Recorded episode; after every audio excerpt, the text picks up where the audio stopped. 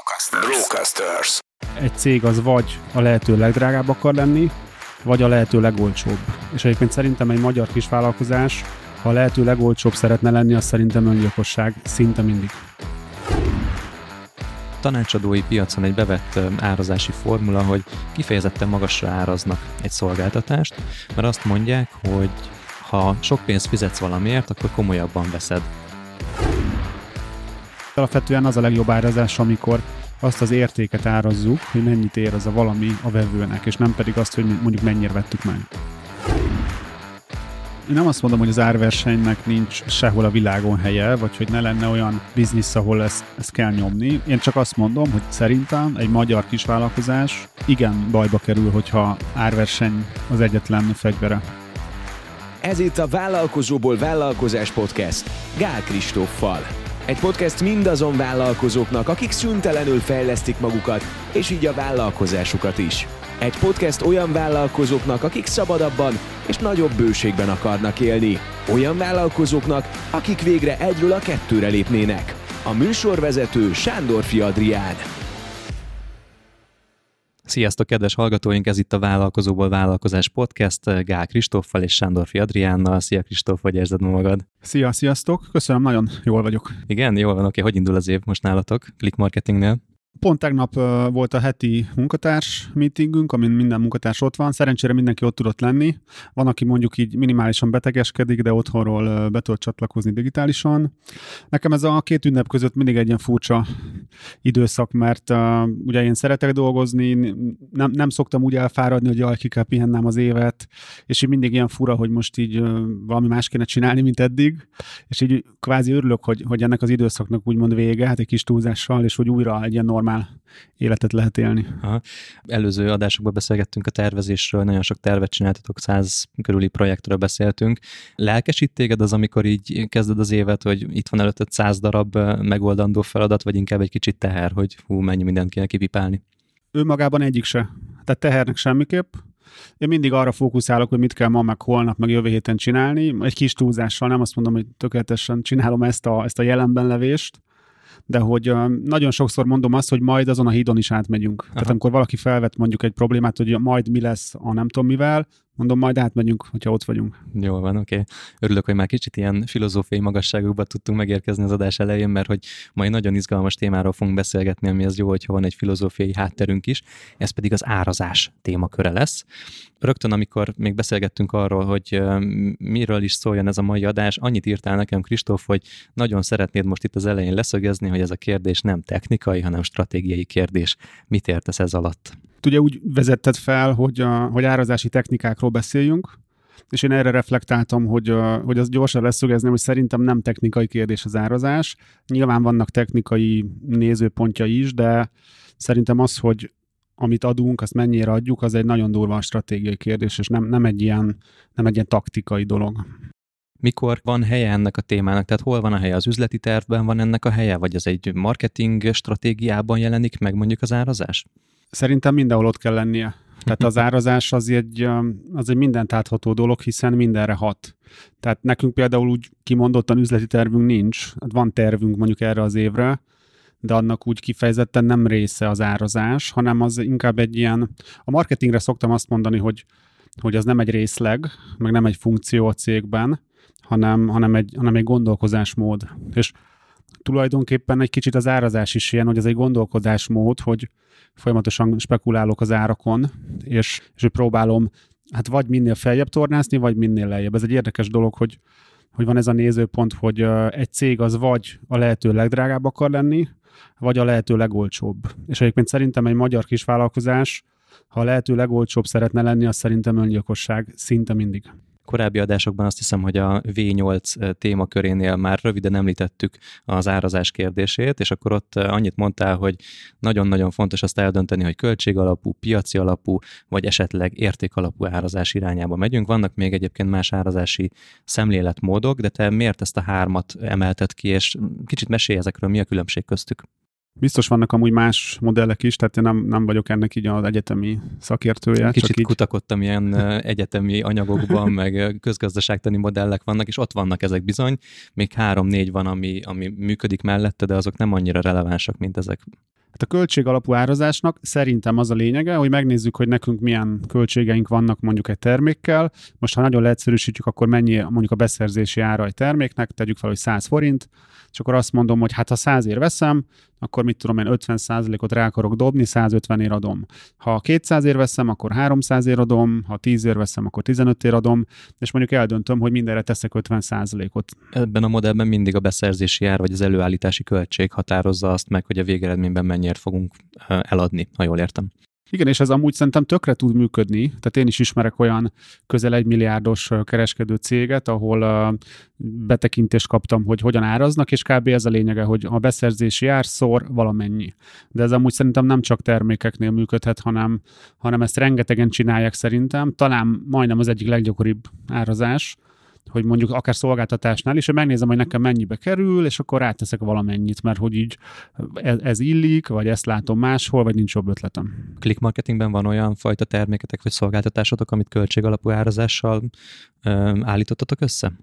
És azon gondolkozom, hogy ez kicsit nézőpont kérdése, hogy mit nevezünk költségalapú árazásnak, mert mi is van, amit úgy árazunk, hogy megnézzük, hogy mennyiért tudjuk szolgáltatni, tehát hogy mondjuk mennyi a szolgáltatáshoz szükséges bér tömeg, és akkor azt mondom, hogy legalább ennek a valahányszorosáért kell, hogy adjuk. De mondjuk ö, olyan nincs, hogy mindenképp kétszeres, hanem nálam egy ilyen minimum van, tehát egy, ez egy ilyen fél költség, vagy ez inkább egy ilyen, egy ilyen biztosíték arra, hogy, hogy ne szálljanak el mondjuk a béreink de hogy az árazásban ezt amúgy figyelembe lehet venni, csak nem mindegy, hogy szerintem tudatosan csinálod, és pontosan tudod, hogy most te ezt ezért csinálod, vagy pedig igazából nem, nem az egészet nem látod át, és így nincs jobb ötleted. Uh-huh. Piaci alapú árazás mennyiben tér el ettől?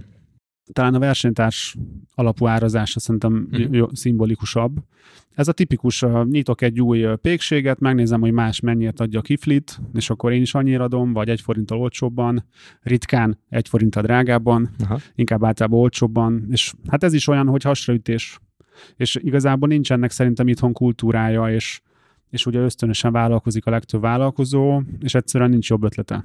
Én erre olyan példákat láttam, amikor megjelenik a piacon egy nagy márka, és tudatosan, olcsón adják a termékeiket, akár egészen hosszú ideig, évekig, akár egy-két évig, hogy beégjen az emberek fejébe az, hogy ők az olcsóbbak a konkurenshez képest, aztán szépen titokban felemelik oda az áraikat, ami nekik is végeredményben megéri.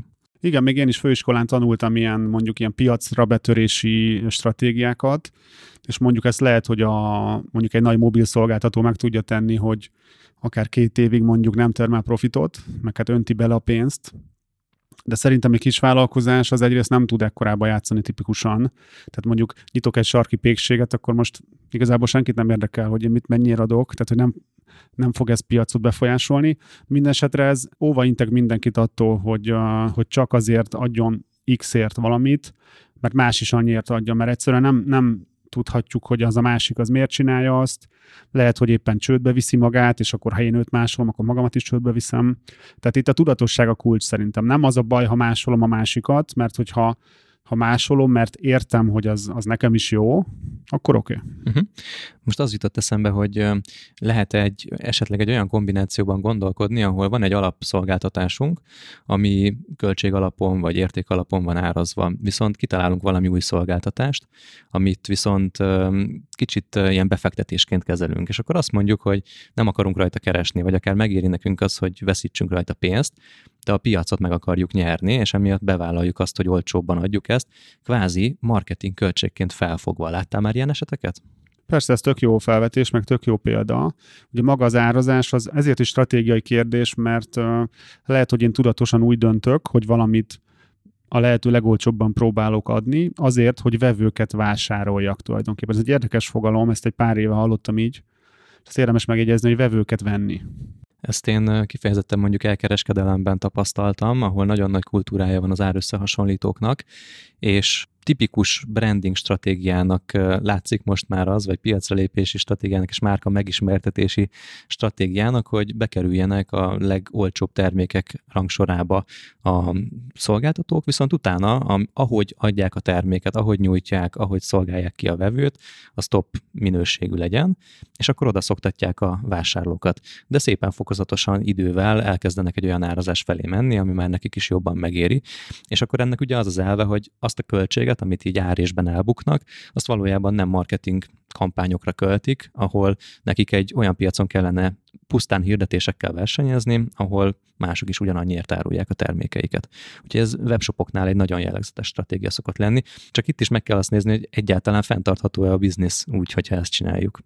Igen, nálunk is, ugye mi szolgáltatásban utazunk alapvetően, vannak, vannak mondjuk termékeink is, de alapvetően szolgáltatunk, és nálunk is van az a jelenség, hogy mondjuk van ez a termékünk, hogy online marketing analízis, ez egy ilyen nagyságrendileg 100 ezer forintos termék, tehát azért nem olcsó, de mondjuk ha csak ezt csinálnánk, akkor nem biztos, hogy abból megélnénk. És ez egy tudatos döntés, hogy, hogy nem feltétlen kérjük el azt az árat, amit egyébként elkérhetnénk, mert azt mondjuk, hogy, hogy még, még a legprofibb cégek is, vagy a le, számukra a legjobb cégek is azért gondolkoznak azon, hogy csak meg kéne nézni, hogy, hogy kinél mennyit költünk, és hogy az első költés az legyen egy a lehető legkevésbé fájdalmas, de azért jelentős, tehát hogy ne 5 forint legyen, hanem azért mondjuk 100 ezeres a nagyságrend, tehát a komolytalanokat kiszűri, viszont nem rak feleslegesen nagy ilyen belépési küszöbet.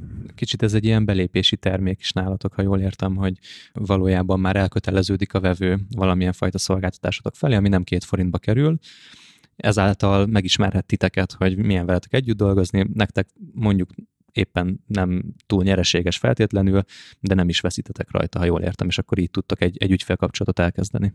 Igen, illetve ott van most az új két rendezvényünk, az egyik az online marketing iránytű live, illetve a jól működő cég, ami ugye a V8 koncepciót mutatja be. Most ez mind a kettő nettó 30 ezer forintba kerül, úgyhogy a, mi álljuk amúgy az ebédet, meg cateringet, tehát hogy ez nagyon-nagyon alacsony ár, de itt egyértelműen az a cél, hogy, hogy tökre nem érdekel az, hogy ezen keresünk-e vagy nem, mert egyébként szerintem a valós értéke ennek a két rendezvénynek az ilyen, nem tudom, legalább egy nullával több szerintem, uh-huh. vagy hát a nagyságrendje inkább az. De hogy ez tökre nem számít, mert arra használjuk, hogy megismertessük magunkat az új mm, érdeklődőkkel, új vevőkkel. És akkor miért nem ingyen adjátok? Mert az meg ugye az ingyen élőket vonzaná. Tehát, hogy kell egy küszöb, amin pont elhasalnak azok, akik mindenre elmennek, ami ingyenes, meg mondjuk lehet, hogy 5000 forintért eljönnének, de 30 ér már nem. Tehát pont úgy próbáltuk belőni az árat, hogy azért úgymond boldog-boldogtalan ne jöjjön el, de aki nekünk érdekes, és akiről azt gondoljuk, hogy komolyan veszi a saját vállalkozását meg magát, annak egy nettó 30 ezer forint a mai áron nem egy jelentős összeg szerintem. Mindjárt rátérünk majd az értékalapú árazásra, csak sokszor említetted, hogy te jársz tanácsadóhoz, tréningekre jársz, és a tanácsadói piacon egy bevett árazási formula, hogy kifejezetten magasra áraznak egy szolgáltatást, mert azt mondják, hogy ha sok pénzt fizetsz valamiért, akkor komolyabban veszed. Te hiszel ebben a, ebben a módszerben? Szerintem abszolút működik. Sőt, és az a jelenség is tökre látszik, hogy hogyha ugyanazt a szolgáltatást adjuk, mit tudom én, 50 ezer forintért havonta, amit mondjuk egész sokan ki tudnak fizetni, vagy mondjuk adjuk ugyanazt 150 ér, amit már kevesebben tudnak kifizetni, akkor érdekes módon, tehát kevesebb a reklamáció. Ez nem csak a mi megfigyelésünk, hanem ez, ez rengeteg ilyen tanulmány, meg könyv, meg nagyon sokat hallottam, meg olvastam erről, hogy egyszerűen az, hogyha nem vagy elég magas áru, akkor azokat a típusú vevőket vonzód, akik, hát most ezt lehetne csúnyán is fogalmazni, hogy megpróbálják kitaposni belőle de maxot. Uh-huh.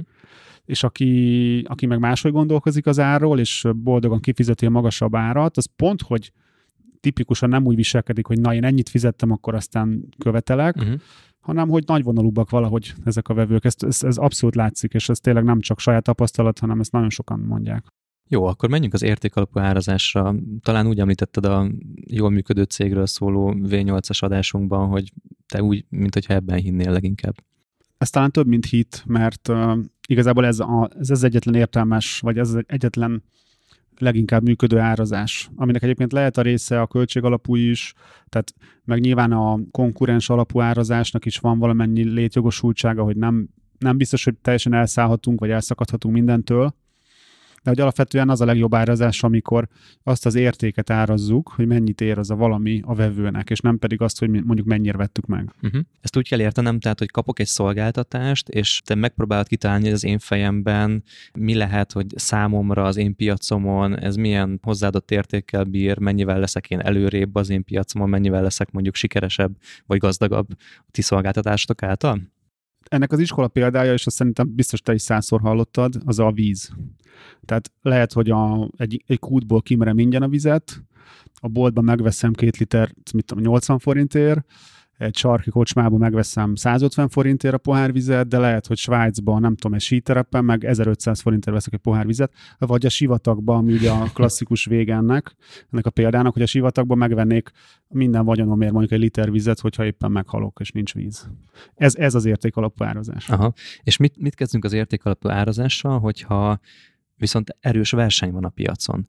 Tehát azt mondjuk, hogy van egy szolgáltatásunk, tegyük fel mondjuk marketing tevékenység, hirdetésmenedzsment, amiben otthon vagytok. Mindenki más 100 ezerért csinálja, de ti 150 ezerért csináljátok. Mi a különbség? Hogyan tudod a vevőnek elmagyarázni, hogy neki ez nagyobb értéket képviseljen? Ennek szerintem nagyon sok módja lehet. Attól függ, hogy kiket nézek kivevőnek. Most mondok egy, egy, egy hülye példát, most nem eszembe jobb szó, mint egy hülye példa hogyha olyan vevőkre célzok, akiknek baromi fontos az, hogy ők ilyen menők legyenek, meg hogy a legjobbal dolgoznak, stb. És én tudom úgy magamat pozícionálni, hogy mi vagyunk a legjobbak, aki velünk dolgozik, az a legmenőbb, stb. Akkor egyszerűen lehet, hogy valakinek az érték, hogy elmondhatja, hogy velünk dolgozik, és ezért szívesen fizet többet, mert hogy menő. Még akkor is, hogyha mondjuk a nyújtott szolgáltatásban nincsen különbség. Hát akár szerintem igen. Tehát mondjuk az, a luxus autóknál ez tökre látszik, hogy most mit tudom, egy Rolls-Royce 100 millió forint, nem tudom, a legfullosabb S Merci azt hiszem 60 millió, és mondjuk technológiailag, meg ilyesmiben nem hiszem, hogy a Rolls-Royce jobb amúgy, de mégis kétszer annyiba kerül, és mégis megveszik valamiért. Oké, okay, és hogy jön ide az a, az árazási modell, amikor abból indulunk ki, hogy nekem mennyit ér meg az, hogy foglalkozzak valamivel. Ezt egyéni vállalkozóknál, tanácsadóknál, szolgáltatóknál sokszor látom, meg, meg egyébként én is sokszor választom azt, hogy elgondolkozom azon, hogy mennyire csinálnám meg ezt a munkát. És szerintem egyébként nagyon sokan így áraznak, egyszerűen így érzésből. Akkor legyen mondjuk ez az érzés alapú árazás, hogyha lehet ilyet, hogy szerinted mikor lehet használni ezt a fajta érzés alapú árazást? Szerintem egy, egy kezdő vállalkozó az nagyon nagy eséllyel ezt fogja alkalmazni, mondjuk aki ilyen szolgáltatásban utazik. Hát én is ezt csináltam nagyon sokáig. Uh-huh. Tehát emlékszem, hogy, hogy milyen boldog voltam, amikor weboldalakat csináltam óradíjas alapon, és azt hiszem ilyen nettó 8000 forintot számláztam, és én nekem az ilyen iszonyatosan sok pénz volt, mondjuk tudom, 10 éve, vagy 15 éve és hogy baromira örültem, és az utólag visszagondolva, meg igazából már akkor is sejtettem, hogy valószínűleg a, a megbízó azért ilyen, egyszerűen nem érti, hogy miért sem ilyen olcsón, mert hogy ő kifizetne simán háromszor annyit, de hogy én nem mertem háromszor annyit kérni, és tökre örültem amúgy a 8000-nek is. Tehát ez szerintem egy normális dolog, de mondjuk egy 20 fős céget lehet, hogy nem lehet ilyen gondolkozással építeni, mert úgy már nem adja ki a matek.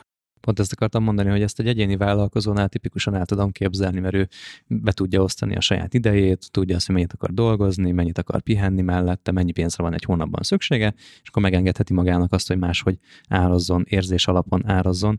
De amikor minden hónapban vannak olyan fix költségek, amiket ki kell termelni, amikor valamilyen fajta modellt akarsz követni, és hosszú távon akarsz nyereségessé válni, és ebben az adásban, vagy ebben a műsorban nagyon sokat beszélgetünk arról, hogy tudatosan kell nyereségessé válni, akkor viszont viszont ez nem működik valószínűleg ez a része.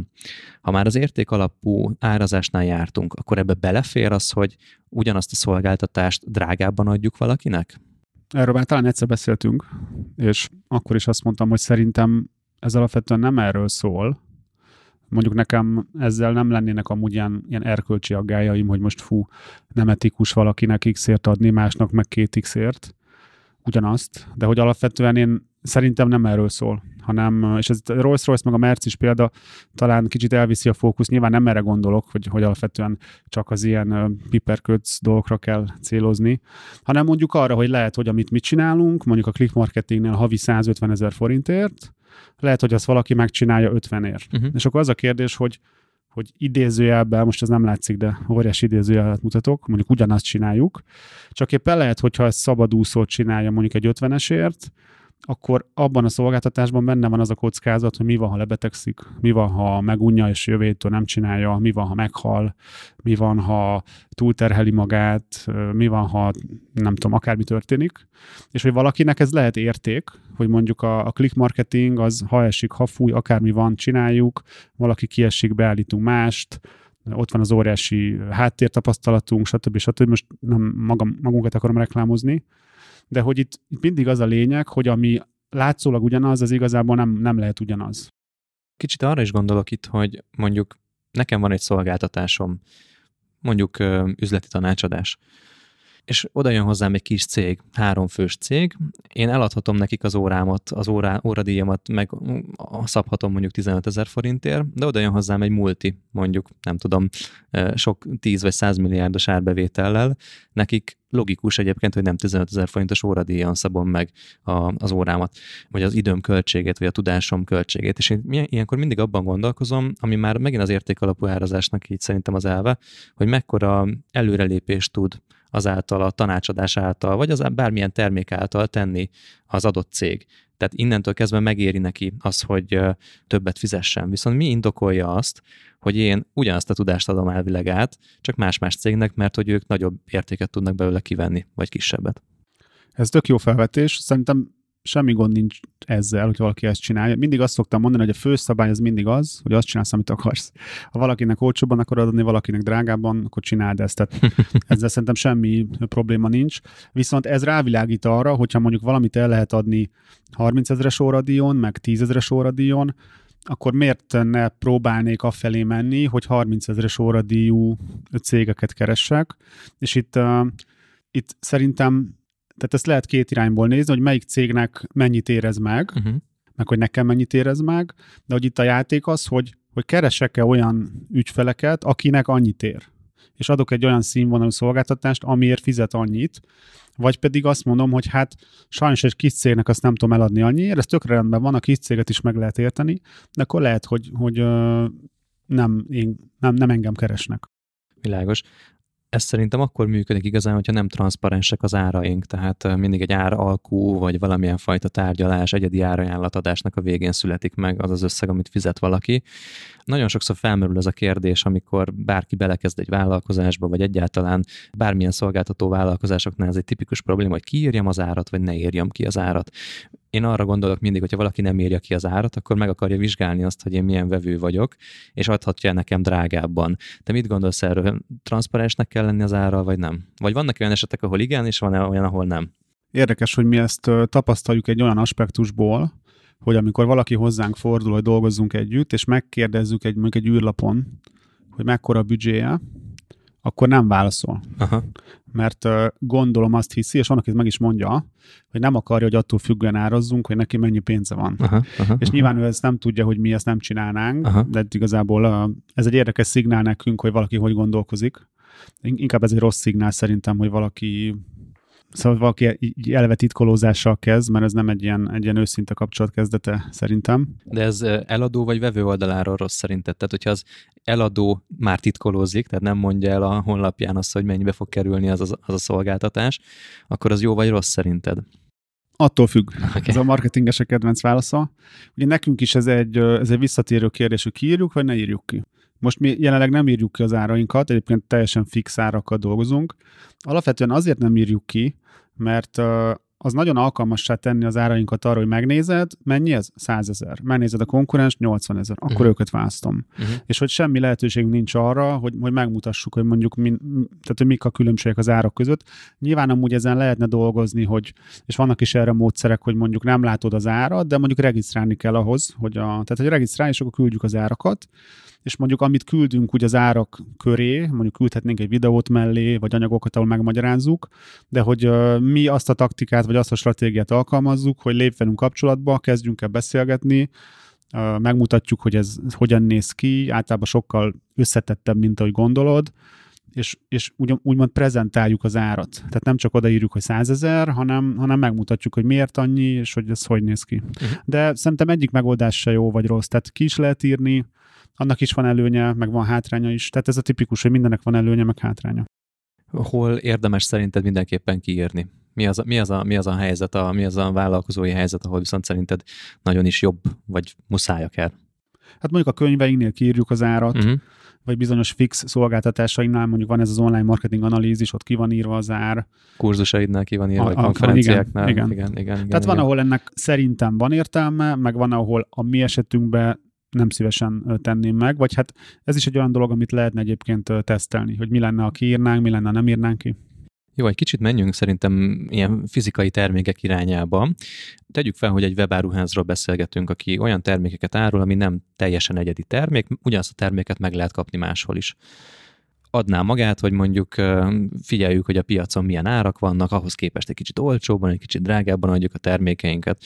De hogyan, hogyan kell szerinted egy ilyen esetben, amikor ennyire transzparensen látszik, hogy a konkurenseinknél mennyibe kerül egy termék, helyesen árazni? Mondjuk egy kifejezetten egy webáruház esetében. Nagyon jó a példa, mert ez nagyon életszerű, és pont az előző rendezvényemen ezt valaki meg is kérdezte, hogy tök jó, persze, emeljünk árat, mert ott az, az volt az állításom a rendezvényen, hogy lefogadom, hogy mindenkinek, aki itt ül a rendezvényen, árat kéne azonnal emelnie. Ez kicsit bátor, de szerintem megállja a helyét. Milyen sűrűn kell szerinted árat emelni egyébként, ha már itt tartunk?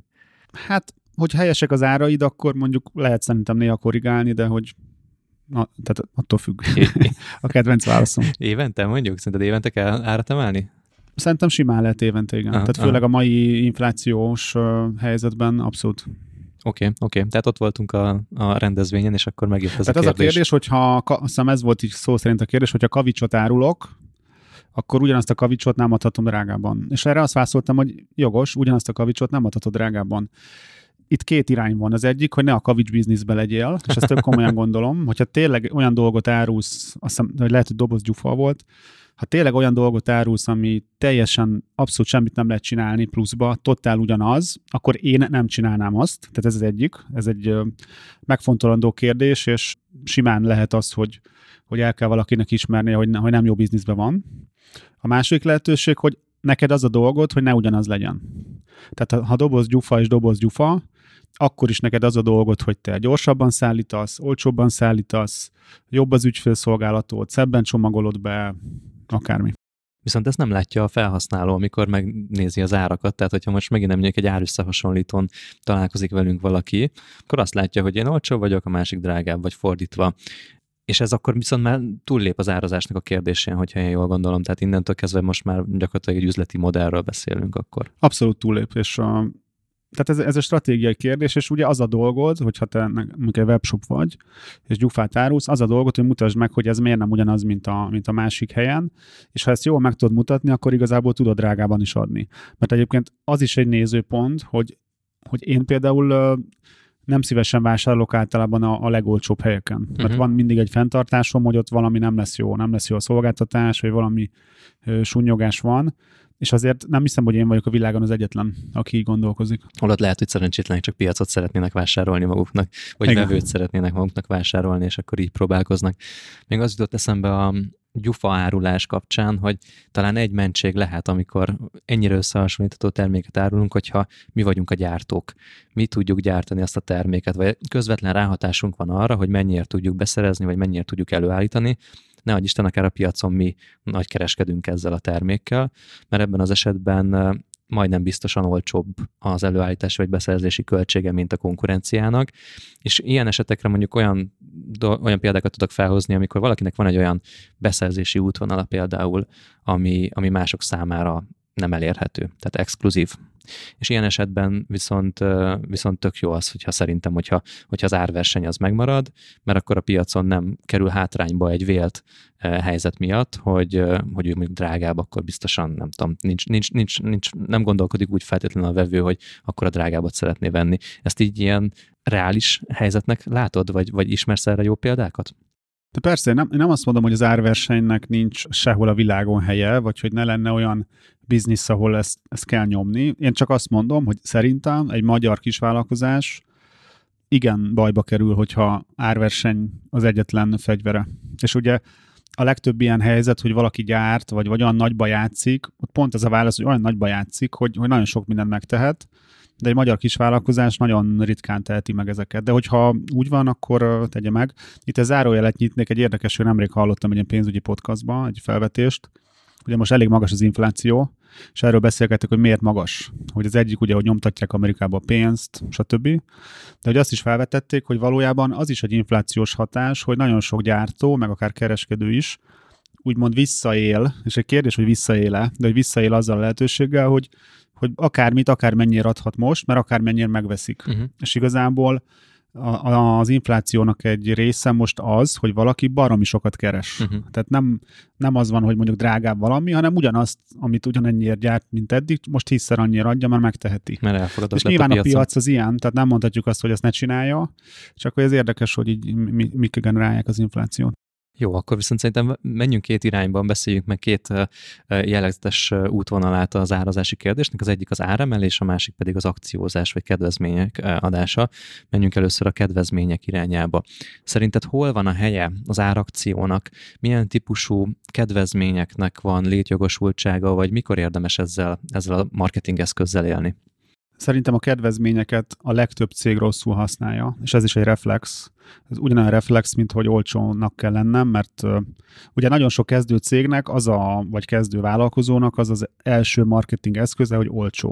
Tehát semmi más nem tudok mondani, miért velem dolgoz, tök olcsó vagyok. Uh-huh. És ezzel nincs is baj szerintem, de nyilván megint azt mondom, hogy szerintem 20 fős céget uh, rendesen adózva, stb. nem lehet így uh, építeni és ez az egész akciózás is egy ilyen reflex, meg az egész kedvezményezés, és én, én például a cégben, a cégemben, a click marketingben is kis túlzással küzdök azzal, hogy a, kineveljem a munkatársaimból azt, hogy, hogy mindig kedvezményt kell adni, meg van, hogy néha meg engem próbálnak nevelni az egyik kollégám, az Ádám, hogy, hogy én akarok néha túl nagy kedvezményt adni bizonyos ilyen stratégiai helyzetekben, de hogy az az alapmatekja szerintem a kedvezménynek, hogy van egy 100 forintos termékem, szolgáltatásom, akármi, ami nekem mondjuk 50 forintba kerül, tegyük fel. Tehát 100 ér adom, nekem 50-ben van, mindegy, hogy termék vagy szolgáltatás. És mondjuk ha adok egy 20% kedvezményt, ami nem egy olyan elképesztő dolog, de azért már mondjuk jelentősebb, uh-huh. akkor ugye az 20 forint, tehát 100 forintba került, most 80-ba fog, és ez azt jelenti, hogy az 50 forintos árésem az ugye lement 30 forintra. Uh-huh. Tehát adok egy 20% kedvezményt, amivel nyilván valamennyivel többen meg fogják venni, viszont a, az árésemnek, vagy akár a profitomnak a a mekkora részét is, ugye hát 50 forintból 20, tehát a 40 százalékát elvesztem, Igen. és itt most így fejből nem, meg nem mondom ezt a, ezt a számítást, de hogy nem valószínű, hogy annyival többen meg fogják venni, vagy annyival többet eladok, uh-huh. mint amennyivel kevesebb az árésem. Tehát mondjuk az árés tömegem romlik. De mondok egy még jobb példát, ami, ami szimbolikusabb.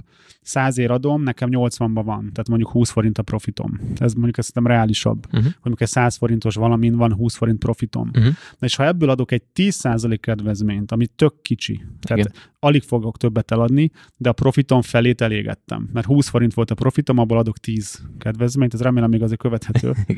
tehát gyakorlatilag elégettem a profitomat, és most 10% kedvezményért nem fognak annyival többen vásárolni. És ezt annyira sokan csinálják, hogy ilyen ez nagyon szomorú.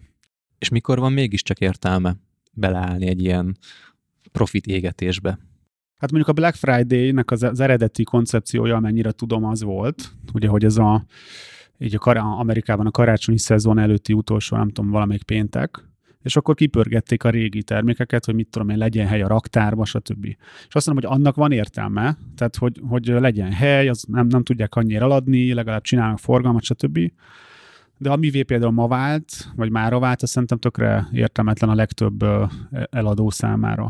Te is benne vagy a Black Friday-ban, kurzusokat adtál el, vagy könyvet az idei Black Friday-nál. Igen, a munkatársaim csináltak akciót, de annak például van, van olyan értelme, hogy nekünk a könyv, meg ezek, amiket olcsóban adtunk, abszolút nem ilyen profit termelő, hanem ugye vevő, tehát a vevőket akarunk azzal venni, hogy olvassák el a könyveinket, és aztán majd vásároljanak tőlünk még többet. Tehát kb. ingyen is adhatnánk. Tehát ne, ugye nekünk van mögötte stratégia. Na erre akartam utalni, hogy amikor van egy termékpiramis, és egy bizonyos terméknek csak az a funkciója, hogy figyelmet felkeltsen, információt adjon az eladóról, megteremtse az első tranzakcionális helyzetet, ahol pénzt fizet ki valaki, bekerüljön egy adatbázisba, elinduljon egy olyan vásárlói útvonalon, aminek a következménye óvatatlanul egy magasabb értékű termék lesz, akkor viszont szerintem sokkal bátrabban lehet játszani ezekkel, és amit mondtál így a Black Friday-nál, az egy tipikus probléma, hogy ez teljesen stratégia nélkül történik ilyenkor. Mindenre 70%, mindenre 50%, ami, ami egyszerűen fenntarthatatlan. Meg ugye régen volt, most már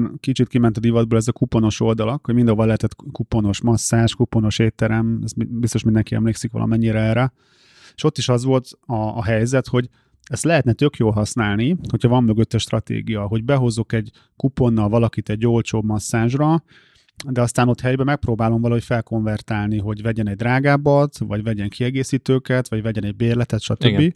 De ugye az alapja ennek az, hogy el fog valaki jönni, mondjuk féláron, kap egy valamilyen masszást, nagyon sokszor ugye nem is olyan masszást kapott, vagy én éttermekben hallottam ilyen sztorit, hogy, hogy ilyen, ilyen külön színű szalvétával jelezték, ha valaki kuponos, és akkor az, azokkal a vendégekkel így alig törődtek, és kaptam egy tök rossz élményt, mondjuk oké, okay, fél áron, de hát ha azt mondom, ha ezt kapom fél áron, akkor egész áron soha nem jövök ide vissza többet. Tehát Persze. tök nagy öngot lehet ezzel lőni. De ha ebbe is van egy megfontolás, és, és ügyesen csinálom, akkor igazából mindennek van értelme, csak legyen mögötte tudatosság. Szerintem ez igazából a, a kulcs. Illetve még azt vetném itt fel, hogy nekünk ez egy állandó kérdés, hogy mire adunk kedvezményt, mit mennyire adjunk, ne adjuk drágán, ilyen behúzó termék, stb. De hogy mindig vissza, vagy nagyon gyakran visszajutunk oda, hogy figyelj, hogyha ha valaki ezt a brutálisan jó terméket nem hajlandó megvenni mondjuk százért, csak ötvenért, akkor szerinted utána lesz olyan ügyfelünk ebből, aki folyamatosan majd fizet nekünk havi mondjuk 150 ezret? És nagyon sokszor az a válasz, hogy nem. Tehát ha már a nulladik ponton egyszerűen csak az árral tudunk nála játszani, akkor, akkor utána később se lesz jobb. Tehát ez nagyon könnyen egy ilyen csapda lehet. Szóval ezt tudatosan kell csinálni, ez a kulcs szerintem. De ez borzasztó nehéz egyébként belőni, mert most mondtad ezt a kuponos masszás példát, hát én évekig jártam egy masszörhöz, aki, aki, aki ez így találtam oda, és igazából az volt a szempont, hogy nagyon közel volt hozzám, pont egy kuponos oldalon találtam, és évekig jártam, tehát nagyon sok pénzt keresett rajtam emiatt a végeredményben, de valószínűleg nem én vagyok az a tipikus vevő, aki kuponos masszázsra. Hát a tipikus valószínűleg az volt, hogy soha több, Igen. tehát hogy életében nem volt masszázsom, mert nem, nincs rá mondjuk, mit tudom én, tízezer forintja, de négye van, és életében egyszer akkor elmegy. Igen, viszont ki kell próbálni is, szerintem, tehát érdemes ezeket kipróbálni, hogy kiderüljön az, hogy milyen típusú embereket vonz, mert különben csak ilyen elképzeléseink lesznek arról, hogy megérte ez az eszköz, vagy sem. Még kicsit a kedvezményeknél beszéljünk egy picit a csomagárakról, vagy bármi olyan fajta árazási technikáról, ahol, hogyha egyet veszek, kettőt kapok, kettőt veszek, hármat kapok, hogyha megveszem ezt, akkor a kiegészítő szolgáltatást olcsóbban kapom. Tehát, hogy ti éltek akár mondjuk a click marketingnél ilyesfajta módszerekkel, vagy vannak olyan ügyfeleitek, akik ezt jól csinálják? Szerintem itt, itt is, most nem akarom mindig magam ismételni, de az a kérdés, hogy, hogy tudom-e, hogy mit miért csinálok. És mondok egy példát, hogyha valami olyan terméket árulok, amit mondjuk az emberek rendszeresen vesznek, mit tudom, egy liter tejet. És most uh, vennék egy liter tejet, de azt mondják, hogy vegyek 5 liter tejet, és akkor azt nem tudom, fél áron kapom mindegyiket, akkor az eladó lehet, hogy abba a helyzetbe hozza magát, hogy most öt hónapra engem kilőtt, mint uh-huh. vevő, mert öt hónapig nem fog tejet venni, hát uh-huh. tegyük fel, ez reális lenne. Uh-huh. Amúgy meg lehet, hogy simán jöttem volna, és megvettem volna ötször alapáron. Uh-huh. Viszont lehet, hogy amúgy soha többé nem jöttem volna vissza, és hogyha soha többé nem jöttem volna vissza, és ahelyett eladott egy tej helyett ötöt, az akkor tök jó deal. Itt például a, az ilyen előfizetéses, vannak ilyen klubok, az ilyen membership jellegű bizniszek, ahol fizetek tagsági díjat azért, hogy tag lehessek, ilyen online, rengeteg ilyen van. Ott van egy érdekes modell, hogy uh, olvastam erről, vagy így hallgattam egy előadást, hogy, hogy megfigyelte a, a tulajdonos, hogy átlagosan 5 hónapig tagok az emberek. Uh-huh. Tehát az átlag user 5 hónapig fizet, mit tudom én, havi 5000 forintot a tagságért. Uh-huh. Tehát az azt jelenti, hogy az átlagos felhasználó ugye 5 5000 forint, 25 ezer forintot hagyott, annyi az átlagos élettartam értéke.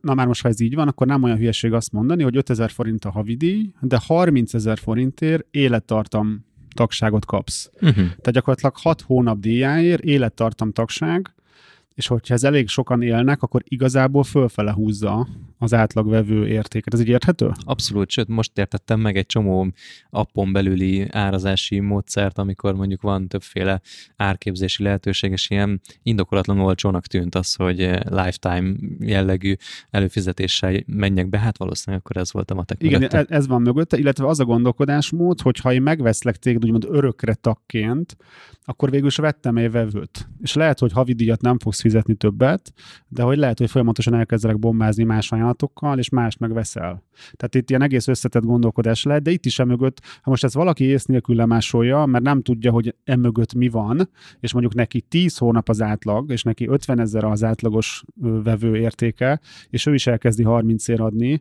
akkor a hatalmas öngót lő magának, mert nem érti, hogy mit miért csinált mondjuk valaki, akit másol. Nekem most erről ez jut eszembe, hogy a, az árazás kicsit olyan, mint az udvarlás.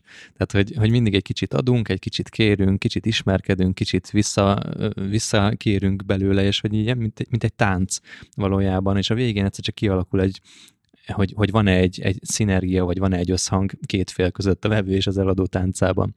És akkor ennek egy másik vetülete, amikor viszont árat emelünk és akkor mondtad azt, hogy, hogy érdemes elgondolkodni rajta. Én hallottam olyat is, hogy érdemes fél évente kötelező, inkább kötelező árat emelni, mondjuk 7-8-10 százalékokkal. Hogy lehet szerinted elegánsan árat emelni, illetve mikor kell egyetlen elgondolkozni azon, hogy emeljünk? Nyilván, ha nekem mondjuk jók az áraim, magasak, rendben van az áram, tök magas a profitom, elégedett vagyok, akkor most van-e értelme mondjuk fél évente elkezdenem árat emelni, hogy azt kockáztassam, hogy mondjuk már lehet, hogy, hogy elkezdek vevőket veszíteni. Aha, aha. De hogyha a béka feneke alatt vannak az áraim, mert mondjuk most uh, tanultam meg, meg most jöttem erre rá, akkor lehet, hogy a következő három évben, ha negyed évente emelek, még az is kevés. Tehát uh-huh. ez nagyon tényleg attól függ, hogy milyen az, az alapszituáció. Igen, a kiindulási helyzet akkor meghatározza Igen. ezt. Meg hogy mondjuk akár itt már azt is el tudom képzelni, hogy, hogy van ez a jelenség, hogy mit szokott meg a piac. Hogyha az én piacomon normális, hogy, hogy fél évente árat emelek, akkor nyilván emeljek én is árat. Uh-huh. Tehát ez, ez, ez nagyon szituációtól függ igazából itt, itt nagyon el kell szerintem különíteni azt, hogy mondjuk kereskedő vagyok, vagy egy olyan szolgáltató vagyok, mint a click marketing, hogy folyamatosan havidíjat fizetnek, vagy mondjuk egy nagy ker vagyok, ahonnan a kiskerek rendszeresen vásárolnak, vagy egy sarki közért vagyok, tehát ezeket szerintem abszolút nem lehet összehasonlítani, mert lehet, hogy mondjuk egy, egy étterem tud úgy árat emelni, hogy észre se veszem. Tehát most nem tudtam, hogy most 3000 volt a rántott hús múlt hónapban, de ebbe a hónapban halászlevet eszek, igazából nem is tudom, hogy emelkedtek az árak, mm. tehát hogy, hogy vannak olyan bizniszek, ahol ez, ez, ez teljesen máshogy működik, mint, mint más bizniszekben. Itt uh, az olyan típusú bizniszek, mint a click marketing, ahol uh, állandó ügyfelek vannak és folyamatosan fizetnek, ez szerintem egy külön világ. Mert ugye itt, itt nem lehet csak úgy árat emelgetni. Mi mindig azt csináljuk, hogy az új vevőknek emelünk árat, tehát, hogy aki mondjuk, ha most árat emelünk, akkor a jövő hónapban, aki jön, annak már magasabb ár lesz. Uh-huh. Ő jó esélye nem tudja, hogy mi volt eddig, és a régieknek pedig valahogy megpróbáljuk felhozni az árait, és mi úgy szoktuk ezt kommunikálni, hogy most árat emeltünk, de neked mondjuk mit tudom én, három hónapig még nem emelünk, vagy három hónap múlva emelünk egy felet, há- még három hónap múlva még egy felet, vagy mit tudom én, azért, hogy hogy értékeljük, hogy az ügyfelünk vagy. Tehát szerintem ez egy tök kultúrát megoldás például ebben a témában. Szolgáltatói piacon hallottam azt egy számomra okos embertől, hogy ott nagyon-nagyon el lehet csúszni, amikor abban gondolkozunk, hogy hú, már valaki régi ügyfél, évek óta velünk van, akkor nem nyúlunk hozzá az ő árához, mert hogy a végén kiderül, hogy igazából már nem keresünk rajta, vagy nem annyit keresünk rajta, akár a, a költségek növekedése, infláció, bármi elvitte annak a, az árát, viszont baromi nehéz ezt így lélektanilag szinten megélni, hogy oda mész egy régi ügyfelethez, évek óta együtt vagytok, akár abban a, az elindulási pillanatban is sokat számított, hogy, hogy ott volt az ügyfél, bízott bennünk, és azt mondod neki, hogy, hogy na most mégiscsak emelni kell. De ez már egy taktikai hiba, amikor valaki eljut oda, hogy már évek óta nem emelt árat. Ilyen esetben szerinted mit lehet csinálni? Hogy lehet ezt a helyzetet kibogozni? Nekünk van olyan ügyfelünk, akit szerintem több mint tíz éve az ügyfelünk, és, ne, és nem is egy, és Aha. olyan meg rengeteg, aki mondjuk legalább ilyen 5-6 éve. Aha. És hát bizony mi is elkövetjük jelenleg is azt a hibát, hogy mit tudom én, ha most megnézem az átlag árainkat, akkor van olyan, aki mondjuk az átlagárunknak a harmadán ha. van most, tehát brutál, tehát mondjuk, ha tegyük fel a 100 ezer mondjuk az átlagár, akkor van, aki mondjuk 30-at fizet, és ez egy egész közel áll a, a valósághoz. Mi ezt folyamatosan így vizsgáljuk, és így eddig mindig arra jutottunk, lehet, hogy persze magunkat csapjuk be, ez simán benne van, de eddig mindig arra jutottunk, hogy ezek a régi kis ügyfelek olyan kevés munkát igényelnek, hogy igazából így nincs értelme nekik mondjuk felmondani, vagy, vagy árat emelni, mert, mert azt gondoljuk, hogy nem biztos, hogy benyelnék az áremelést. Uh-huh. Persze lehet, hogy ez a mi hülyeségünk. Tehát azért mi se vagyunk tökéletesek. Abszolút ismerem ezt a, ezt a nézőpontot. Itt szerintem az a, a teljesen őszinte és igaz nézőpont, hogy az nem egy tehát az már mondjuk a bőséges cserén, tehát ezen a nagyon bőség gondolkozáson túlmutat, hogy valakinek mondjuk évekig olyan árakat adjunk, ami már nekünk nem éri meg. Tehát szerintem egy, egy kedvező, meg korrekt áremelési szisztéma szerintem bőven elég, nem kell itt, tehát hogy a saját kárunkra nem kell szerintem jó fejkedni, mert az valahol a nap végén senkinek nem jó. És milyen olyan modellek vannak még az áremelésre, ami szerinted hatékony tud lenni, vagy, vagy egyáltalán az áremelést hogyan lehet mondjuk egy marketing eszközzé fordítani? Van egy olyan megoldás, ami, ami nekem nagyon tetszik, hogy amikor olyan áraink vannak, amik úgy nagyjából publikusak, most nem azt mondom, hogy az utca embere tudja, de hogy, hogy lehet kommunikálni, hogy mondjuk, mit tudom én, nálunk egy konzultáció mondjuk nettó 30 ezer forint, és meg akarjuk emelni mondjuk 40-re, vagy 50-re, tök mindegy, akkor ebből simán lehet egy olyan kampányt csinálni, hogy elkezdjük azt kommunikálni, hogy áremelés lesz március 1-én, aki addig vásárol konzultációt, akár lehet előre is venni többet, bérletet venni, stb. Felhalmoznak. Igen. Nyugodtan addig lehet vásárolni, viszont március 1-től meg nettó 40 lesz az ár. És akkor ezzel igazából ki lehet ugrasztani olyan vevőket, akik eddig nem vásároltak, lehet, hogy amúgy egy, nem is vásároltak volna, tehát ezzel lehet egy forgalmat csinálni, de nyilván itt kell arra figyelni, és ez megint egy tipikus hiba lehet, hogyha most vennének 200 ilyen konzultációt, és egy évig csak ezen az áron konzultálni emiatt, akkor igazából nem emeltem árat, mert nem tudok, mert nem marad időm. Tehát, hogy ezekre kell figyelni, hogy ez például a bérezésben is egy nagyon fontos, meg így az áraknál is, hogy, hogyha a lehető legjobban sül el mondjuk egy kampány, hogy az, az ne okozzon gondot. Tehát mondjuk csinálok egy jó akciót, adok egy olyan kedvezményes ajánlatot, ami amúgy nekem jó, és akkor átmondom, eladok tizet, milyen jó lesz, de, de ha kétszázat eladok, Igen. és nincs is annyi a raktáron, és a végén bukok rajta. Igen. Tehát, hogy ezt nagyon ki kell számolni, hogy az ilyen akciók, meg akár a bér, vagy akár egy bónusz a munkatársaknak, vagy bármi, hogy, hogy a lehető legjobb esetben nehogy gondot okozzon. Hát nagyon sok olyan helyzetet láttunk, amikor mondjuk egy Black Friday kampány után hónapokig próbálták így a károkat mentesíteni a munkatársak. Most nem nálunk, hanem bármilyen helyzetekben azért szerintem ez jellegzetes, hogy így kicsit elszalad a a kereskedővel vagy a vállalkozóval, és így túlvállalják magukat a, a cégek ilyen esetekben, vagy pedig tényleg, amit mondtál, hogy eladják a terméket, de aztán kiderül, hogy nem tudják a készletől kiszolgálni, az uh-huh. a mhm. legnagyobb öngól ilyen esetben, úgyhogy inkább akkor valószínűleg nem is kellett volna ebbe beleállni. És Kristóf, van olyan általános tipped, ami így az árazás módszertanára vonatkozik, hogy mégis hogyan állítsuk össze a saját árainkat, a saját termékeinket és szolgáltatásainkhoz, figyelembe véve a költségeinket, meg a piaci szituációt? Én azt tudom elmondani, hogy, hogy én hogy gondolkozom az árakról, és ez szerintem ilyen, tehát ez bárkinek szerintem nagyjából így kéne gondolkoznia én azt nézem, hogy mennyit akarok keresni. Tehát, hogy mennyi profitot akarok generálni a cégemmel, és akkor igazából egy ilyen, van ez a kifejezés, ez reverse engineering, hogy uh-huh. ilyen visszafejtem, uh-huh. tehát megnézem, hogy mennyi profitot akarok, mondjuk főleg a százalékba, vagy akár ez, ez lehet tömegbe is, tehát hogy, hogy mekkora profit tömeget akarok, és elkezdem visszaszámolni, hogy mit tudom én, mennyit tudunk szolgáltatni, mennyit tudunk nagyjából valamiből eladni, és igazából azt fejtem vissza, hogy mennyibe kell, hogy kerüljön az a valami, amit adok, ahhoz, hogy kijöjjön a matek. És itt nyilván nagyon nem mindegy, hogy mondjuk egyet adok el, tizet, százat, ezret, tehát itt, itt tulajdonképpen ez egy ilyen modellezés szerintem. Ez már egy matrix. Igen, ez egy modellezés, hogy mi van, ha mondjuk, ugye régen volt mondjuk három PPC menedzser a click marketingnek, ott akkor ez tök, tök más kávéház, mint ha van mondjuk 8 PPC menedzsere, meg van még három másik üzletágunk.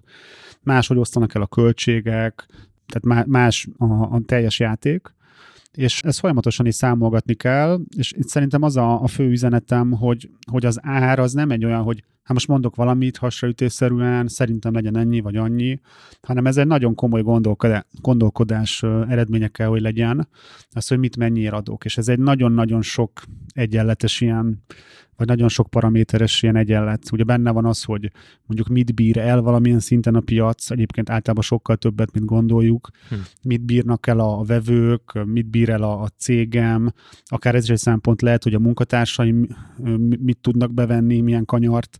Hogyan akarod simán... pozícionálni magadat a piacon, az is nagyon igen, igen. árfügg, vagy árral lesz. Volument akarok csinálni, hogy ezer ügyfelet akarok, vagy tizet, vagy egyet akarok, vagy ötvenet, és akkor egy ilyen nagyon, nagyon tulajdonképpen összetett modellezésnek az eredménye az ár.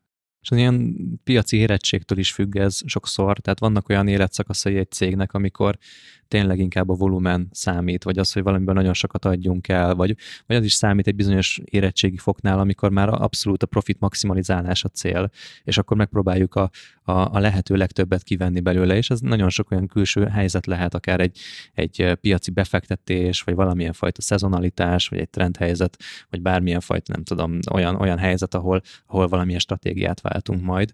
Nagyon érdekes, hogy, hogy most, hogy, hogy beszélgetünk erről, így eszembe jutott valami, hogy hogy vajon mi az a faktor, ami a leginkább befolyásolja egy, egy, egy vállalkozónak, vagy vállalkozásnak az árait. És szerintem a hit. Igazából. Tehát, hogy abszolút nem az, hogy mennyi fér bele, meg mit hajlandó kifizetni az emberek vagy a cégek, hanem mit hiszel el magadról.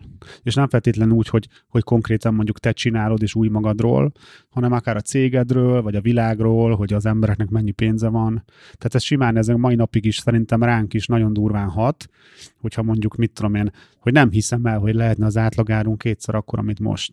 Mert most a mostani hitrendszerem ezt engedi meg. És amúgy lehet, hogy simán lehetne kétszeresen. Jó, hogy ezt mondod. Én nagyon sokszor találkozom azzal, hogy különböző szolgáltatási helyzetekben tudom azt, hogy velem akarnak dolgozni. És az a helyzet, amikor dedikáltan velem akar valaki dolgozni, az már nem egy olyan összehasonlítható helyzet, ahol bizonyos szolgáltatásnak, amit én nyújtok, megnézik azt, hogy a másik a piacon mennyiért nyújtja. Mert már nem azzal a másik szolgáltatóval akar dolgozni, hanem velem akar dolgozni, vagy veled akar dolgozni, és ennek van egy olyan pszichológiai hatása, ami, amit egyébként, hogyha a vállalkozó megért, és elhiszi magáról, hogy az ő ügyfelei érte jönnek oda, vagy az ő cégéért, vagy az ő brandjéért, vagy az ő szolgáltatási minőségért jönnek oda, akkor viszont elválunk attól, a, attól az árazási modelltől, hogy, hogy mások mennyiért adják ugyanazt a terméket, vagy mennyibe kerül nekünk az a termék. Tehát innentől kezdve tényleg már a hit befolyásolja azt, hogy mi az, amit én elhiszek arról, hogy én elmerek kérni. És nagyon sok ilyen szitu van, ahol uh, egyébként ez saját példa teljesen, hogy, hogy nem piaci árazásban gondolkozom sok esetben, de tudom azt, hogy kétszer-háromszor is lehetne drágább az, amit, amit adok, csak én még nem tartok ott fejben, hogy ezt, ezt bemer, bemerjem vállalni. Szerinted van olyan fajta önismereti segítő módszertan, vagy bármilyen fajta út, amin keresztül ezt az ember le tudja magában jobban tisztázni, hogy végül is ő mennyit ér a piacon? Ez nagyon érdekes kérdés. Tehát nekem például most a, az az óradíjam, amit akkor kell fizetni, ha velem akarsz így van van konzultálni, az nettó 75 ezer forint, ami, ami brutál sok nekem is. Lehet, hogy valaki azt mondja, hogy ezért vicc annyira kevés.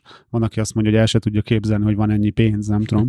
Nem, hogy egy óráért ezt kifizetni nem azt mondom, hogy nem segít az, hogy mondjuk jól megy a cégnek, meg jól megy most már nekem is, és hogy elmerem ezt kérni, mert öt éve nem mertem volna elkérni.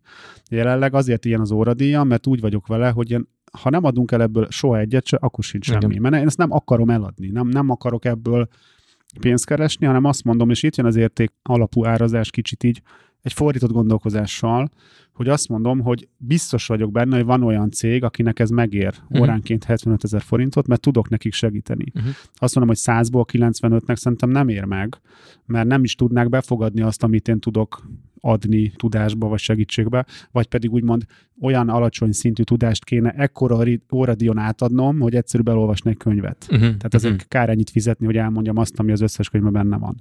De hogy az a cég, aki már tartott és aki egyébként, tehát ez egy ilyen önmagát szabályozó dolog, akinek ez már belefér, annak általában megéri. Akinek ez nem fér bele, annak lehet, hogy nem is érné meg.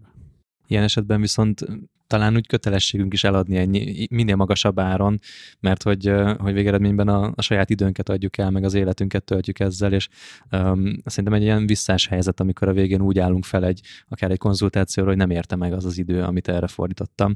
És amikor, ami, amikor ezt mondod, nekem ez jutott eszembe, hogy, hogy az egy jó árazási struktúra, amiről az előbb beszéltünk, az érzés alapú, hogy úgy állsz fel bármilyen fajta tranzakció után, hogy na ez megérte. Tök jó volt, hogy ezt beletettem, jól is éreztem magam, és eleget is kerestem vele. Igen, szoktam is ezt mondani a kollégáknak, ugye, akiknek, most ha belegondolsz az egyik munkatársam, vagy bármely munkatársamnak, az, hogy valaki 75 ezeret fizet úgymond nekem egy órámért, az tehát a, a legtöbb munkavállalók azért ez durva, hogy mondjuk három órányi díj, Persze. az a magyarországi átlag fizetés. Tehát, hogy ez azért nehéz úgymond ilyen átlagos munkavállalóknak ezt elhinni, de, de azt, azt is szoktam hozzátenni, hogy azért ne higgyük azt, hogy tehát, hogy nekem nem esik le a gyűrű az ujjamról 75 ezer forintért konzultálni, annak ellenére, hogy én semmit nem teszek azért, hogy ez legyen, de tökre örülök, hogyha van. Uh-huh. Ez kicsit ilyen, ilyen ellenérzés bennem, hogy, hogy azért nekem ez baromi sok pénz. Uh-huh. De hogy mégis tudom, hogy ennek ez az értéke, és egyébként jó, hogy ezt mondtad, mert rendesen, nem tudom, pszichológushoz járás,